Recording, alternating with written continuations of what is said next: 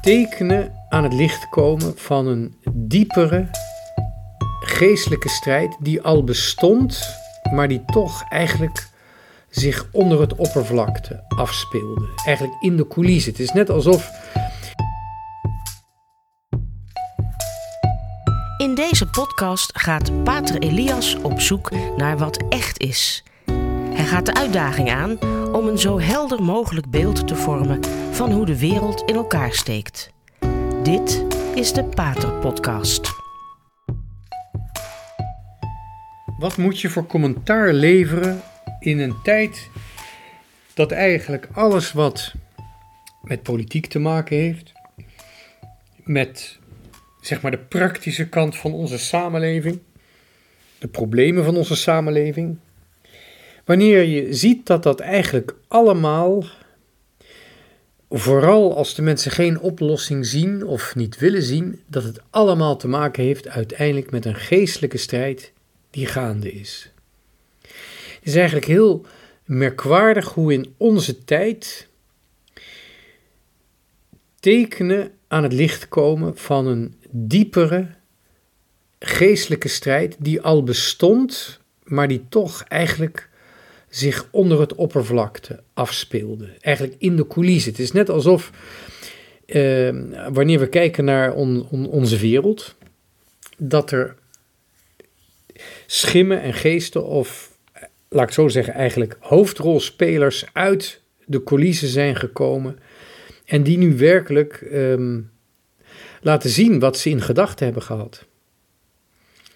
En er komen een heleboel dingen tot, tot uiting, tot, tot uitbarsting, die min of meer buiten het gezichtsveld van een heleboel mensen al een rol hebben gespeeld. En je kunt je afvragen, wat bedoelt God hiermee dat hij dit laat zien? Ik wou het in de eerste instantie even hebben over een conflict um, dat misschien voor een heleboel mensen een beetje langs hun heen gaat, omdat het ver van hun bed lijkt. Um, maar voor de mensen die de oorlog nog hebben meegemaakt, of die de Sovjet-Unie nog hebben meegemaakt, dat, dat die bestond, die zich daar waarschijnlijk uh, wel iets beter van bewust zijn. Dat is natuurlijk de oorlog in Oekraïne. Ik ben al de eerste vluchtelingen in Nederland tegengekomen. Ik heb mijn Russisch een beetje kunnen oefenen. En heb beseft dat mijn uh, Russisch eigenlijk uh, niks meer waard is. Ik moet echt weer een beetje opnieuw beginnen. De meeste Oekraïners die begrijpen Russisch, ook al is het een beetje een. Het verschil tussen Russisch en, en, en, en Oekraïens is eigenlijk hetzelfde als, ja, zou kunnen zeggen, Nederlands en Duits. Um, de mensen beseffen het niet zo misschien. Of we zijn misschien een beetje murf geworden door alle massamedia en we nemen ze niet meer serieus. Maar de oorlog in Oekraïne is, een, is, een, is ten eerste een, een oorlog die zeer ernstige consequenties al heeft en ook nog kan hebben. Uh, eventuele atoomoorlog, economische problemen, e enorme verwoesting van, uh, van de Oekraïne. Maar ik kan het toch niet nalaten om u mijn verbazing te delen, om met u mijn verbazing te delen over het hele fenomeen wat daar gaande is. Ik heb het misschien onderschat, maar wat we nu zien in die oorlog in Oekraïne, aan onze kant eigenlijk de, het onvermogen om het conflict te begrijpen of om er uh, aan te beantwoorden. Wat dat betreft is, is onze westelijke samenleving versuft geraakt um, door de consumptie. Ik denk uiteindelijk ook door de seksuele revolutie, maar dat, dat zijn allemaal dingen die kunnen we een beetje later gaan bekijken. Aan de ene kant dus de, de, de, de, de versufte reactie van, van het zogenaamd Vrije Westen. Maar ook aan de andere kant het feit dat eigenlijk nu pas duidelijk te zien is, aan het licht komt, wie er in Rusland vanaf de revolutie eigenlijk echt het land heeft beheerst, geregeerd. Dat is namelijk de geheime dienst. De geheime dienst die eh, gesticht is in de tijd van Lenin en waarvan je echt nu kunt nadenken en wat mij betreft ook wel daarover moet nadenken, hoe eigenlijk die geheime dienst van ehm, de Sovjet-Unie, of eigenlijk van Rusland, een soort van compensatie is geweest voor een niet bestaand vaderschap. En ik kom dan ook automatisch terug bij de orthodoxe kerk. Niet bij de communistische partij, maar bij de orthodoxe kerk. De Russisch-orthodoxe kerk is een, dus een orthodoxe kerk, maar in haar retoriek en in haar cultuur is die Russisch-orthodoxe kerk het meest extreem anti-filioque, anti-rationaliteit geweest tussen de andere orthodoxe kerken. Er is geen enkele orthodoxe kerk die zo fel altijd heeft gereageerd tegen het feit dat de menselijke reden ten dienste kan staan van het geloof. En bovendien dat in eeuwigheid vader en zoon in een eeuwige eenheid de bron zijn van de Heilige Geest. Het filioque. Wanneer je ehm, met orthodoxe praat, komt daar, uh, of serieus praat in ieder geval, komt daar vaak het, uh, komt daar het gesprek op. Het filioque, rationaliteit. Maar nergens is het zo fel aanwezig, ik zou bijna zeggen pathologisch aanwezig, als in de, in de Russisch-orthodoxe retoriek. Men heeft daar gewoon iets tegen, het filioque, en tegen de rationaliteit. Dat heeft tot gevolg in de spiritualiteit van uh, het Russische orthodoxe geloof dat men dus eigenlijk echte rationaliteit ontbreekt.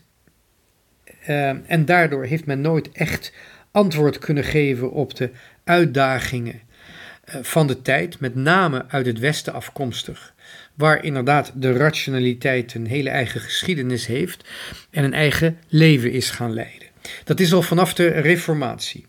De Russisch-Orthodoxe Kerk had geen eigen antwoord op de Reformatie en heeft daarom uh, de catechismus van onze landgenoot, de heilige Petrus Canisius, die catechismus genomen en die vertaald in het Russisch en, natuurlijk over het pau pauschap en wat filioque wat wijzigingen aangebracht. En dat was toen de catechismus van de Russisch-Orthodoxe Kerk, waarmee het protestantisme is bestreden. Ja, dus het is een katholieke catechismus van de contra-reformatie, die door Rusland een beetje is aangepast, ge, gekopieerd en aangepast aan het orthodoxe geloof en daarmee is het protestantisme uh, bestreden. Daar zie je echt het enorme gebrek aan duidelijke theologie in de Russisch-orthodoxe kerk. Het filioque heeft ook tot gevolg gehad, en ik heb het ook gezien in de manier waarop priesters omgaan met de gelovigen, dat eigenlijk een zelfstandige keuze geen rol speelt. De geestelijke zoon of dochter wordt niet geleerd om een werkelijk moreel, eigen, autonoom antwoord te geven op wat God aanbiedt. dus de afwezigheid van het filioque, of zeg de, de, de strijd daartegen, is niet alleen maar een, ja, iets wat ze doen om, om een beetje anti-katholiek te zijn, of anti-katholiek te klinken, of, of omdat ze het er eh, op theologische basis niet mee eens zijn. Want ja, nogmaals, de theologie is niet zo, is, is niet erg rationeel. Dus er zijn ook, door, die, door het gebrek aan rationaliteit is er ook geen echt argument tegen het filioque in te brengen. Maar eh, de afwezigheid of het afwijzen van het filioque heeft dus ook tot gevolg dat het niet alleen het zoonschap in de eeuwigheid, maar ook het kindschap Gods in deze wereld wordt niet op een volledige manier gezien. Er worden mooie dingen op van gezien. Eh, dat is, is pracht, prachtige dingen worden ervan gezien, geformuleerd, beleefd ook, maar niet in zijn volheid. De volheid van het menselijk antwoord op het woord van God kan alleen maar worden gezien en begrepen wanneer het filioque deel uitmaakt van de geloofsbeleidenis. En ehm, dat betekent dus dat inderdaad de zelfstandige keuze, het volwassen worden in die spiritualiteit in Rusland, ehm, eigenlijk nooit een belangrijke plaats heeft gekregen. En daardoor is het ook zo'n autocratie geweest. De tsaar ehm, was in feite in Rusland veel meer dan de keizer uh, in Constantinopel. we hebben in Constantinopel gezien dat de keizer op een gegeven moment de, de autoriteit van de kerkelijke autoriteiten, dus van de patriarch, eigenlijk is gaan overschaduwen. Het Caesaropapisme noemen we dat. In Rusland, waar die ordening en die vrede van het Oost-Romeinse Rijk nooit is uh, geweest, waar in zekere zin de broederstrijd tussen de verschillende uh, Oost-Slavische volkeren uh, ja, nog steeds gaande is en, en altijd bestaan heeft, waar dus een enorm gebrek aan ordening is, daar, daar is dus geen Constantijnse uh, ordening geweest. En daarom is de, de tsaar niet zozeer de handhaver van de orde, maar is een soort van messias die die ordening moet gaan bewerkstelligen. Zowel Lenin als Stalin vallen eigenlijk in die traditie. Ze zijn tegelijkertijd uh, keizer en ze zijn revolutionair. En daarom kun je ook binnen die orthodoxe kerk niet zozeer spreken van Cesaro-papisme, maar van um, Cesaro-messianisme.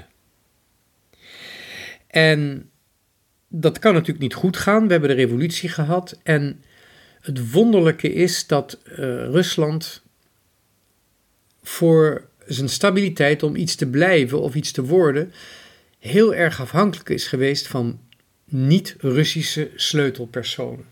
In feite is de Sovjet-Unie is het product van een driemanschap, overigens geen uh, vrienden van elkaar, Stalin, Lenin en Trotsky. En alleen Lenin is de Rus, Stalin is de Georgische priesterstudent en Trotsky is de geseculariseerde Jood. Maar er is een vierde die we vaak vergeten en die is eigenlijk cruciaal. Hij, ligt, hij staat op de achtergrond. Zijn naam is Felix Dzerzhinsky. En hij is de Poolse uh, bijna priester. Hij is um, niet op het seminarie geaccepteerd vanwege zijn, we zouden zeggen vandaag de dag, narcissisme. Hij is opgevoed, net als Stalin, alleen door zijn moeder, die hem heel erg verwend heeft. Een zeer vrome, verwennende moeder afwezige vader. Dat is de jeugd van zowel Stalin als van, um, als van uh, Felix Dzerzhinsky, overigens ook van Napoleon en Hitler, maar dat is even een ander verhaal.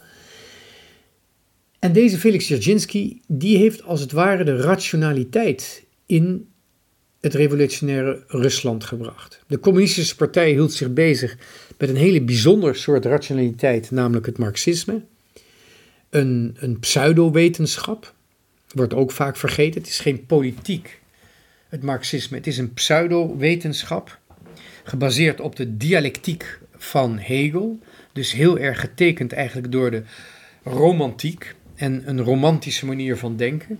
Maar de pure, kille rationaliteit is binnengebracht in de Sovjet-Unie door de stichter van de geheime dienst, Felix Dzerzhinsky. En eigenlijk is dat de macht geweest binnen de Sovjet-Unie die besliste over leven en dood en dus de uiteindelijke uh, macht had. Ik zou bijna zeggen de religieuze macht had. En er zijn ups en downs voor die geheime diensten geweest in Rusland. Maar toen het communisme in elkaar stortte als ideologie, bleef eigenlijk alleen maar die geheime dienst bleef over. En die geheime dienst heeft eigenlijk als ja, bij verlies aan, uh, aan ideologie, heeft die uh, geheime dienst uh, gezocht naar, onder leiding van Poetin, gezocht naar een plaatsvervangende ideologie en ze is uitgekomen bij de Russisch-orthodoxe traditie. Vandaar ook dat de patriarch van Moskou, die, wat mij betreft, dan onrechten, onrechten nog uh, door, door vele katholieke autoriteiten en katholieke diplomaten, kerkelijke diplomaten, wordt gezien als een serieuze gesprekspartner op kerkelijk niveau.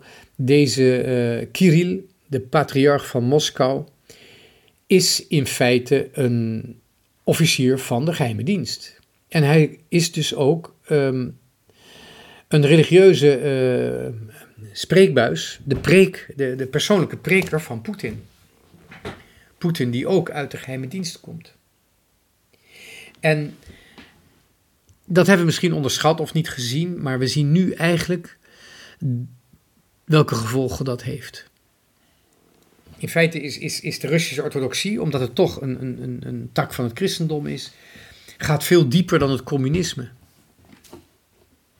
En de, veroveringsoorlog die nu begonnen is, zal ongetwijfeld um, nog lang gaan duren.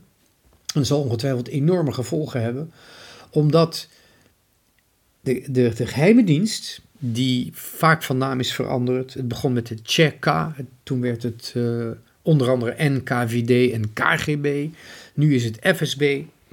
Die hebben een, um, ja, die, die geheime diensten hebben eigenlijk bepaald wat de richting van Rusland is.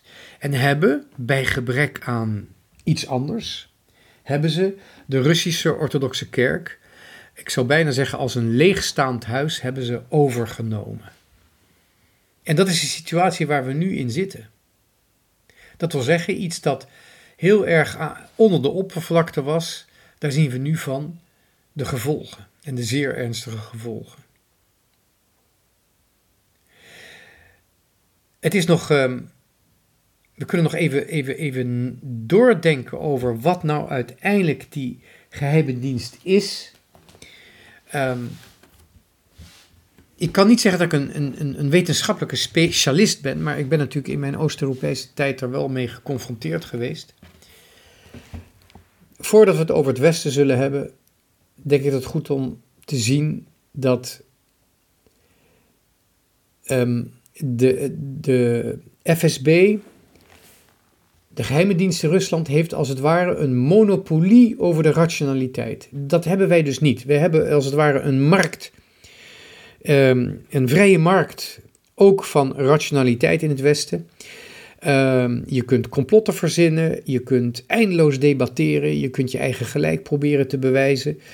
Ehm, het is misschien zeer chaotisch, onze meningencultuur, onze um, cultuur vol, ja, vol uh, partijdigheid en meningen en, en, en, en misschien ook complottheorieën of arrogante politici en, en, nieuwsmedia die een bepaalde, media, uh, die een bepaalde mening willen erkennen. Maar er is geen monopolie op rationaliteit in ons vrije Westen.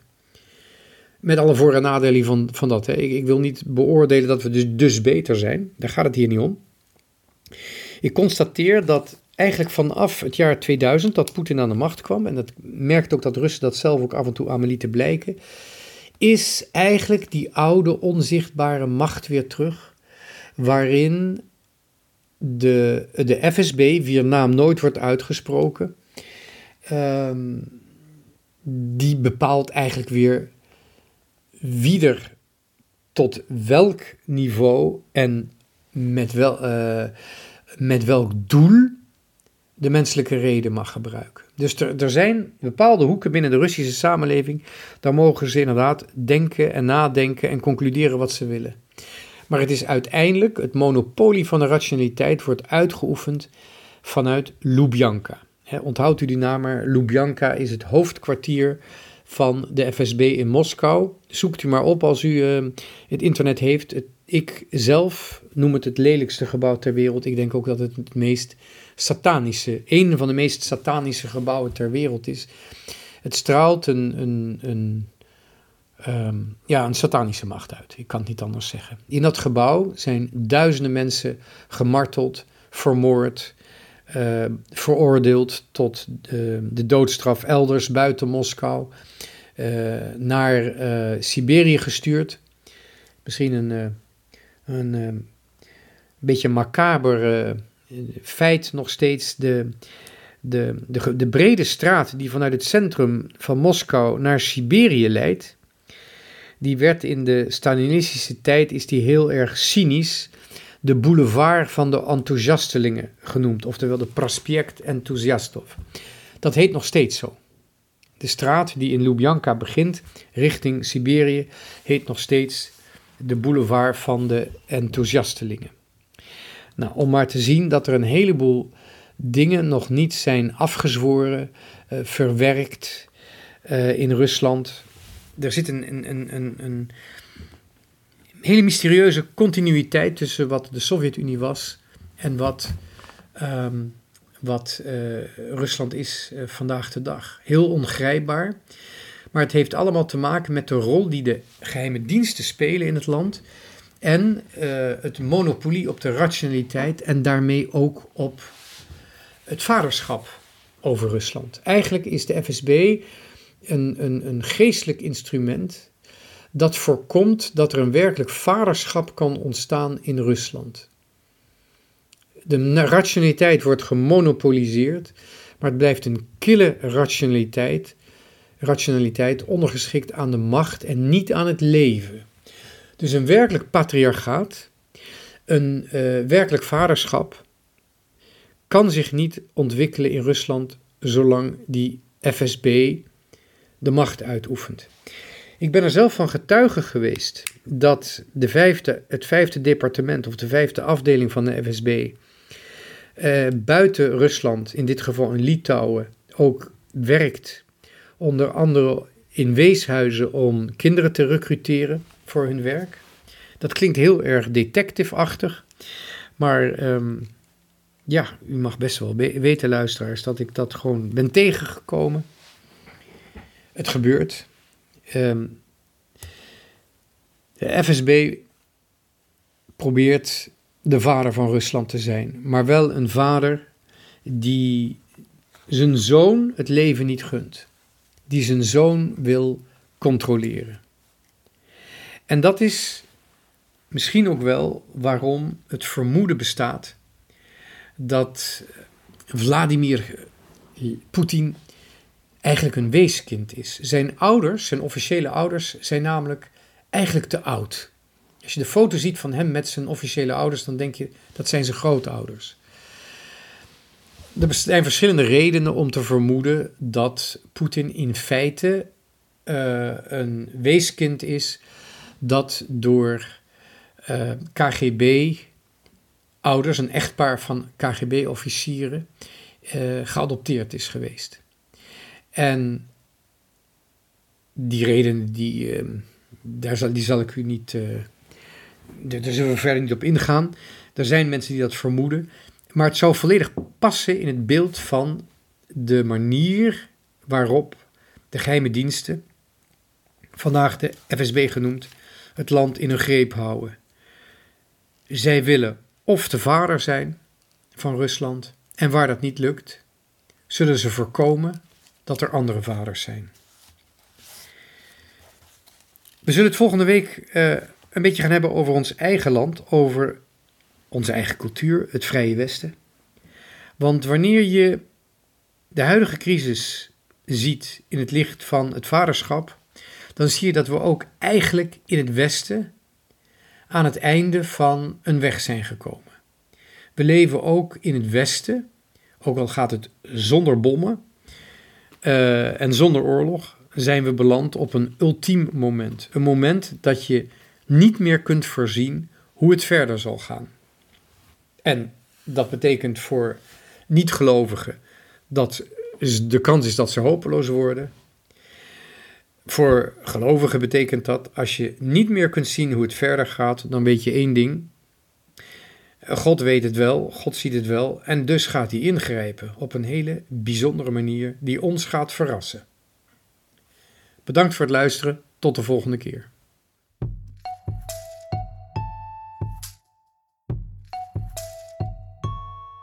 Dit was de Radio Maria Pater Podcast met Pater Elias. Deze podcast is online terug te luisteren via de website van Radio Maria en andere podcastplatforms.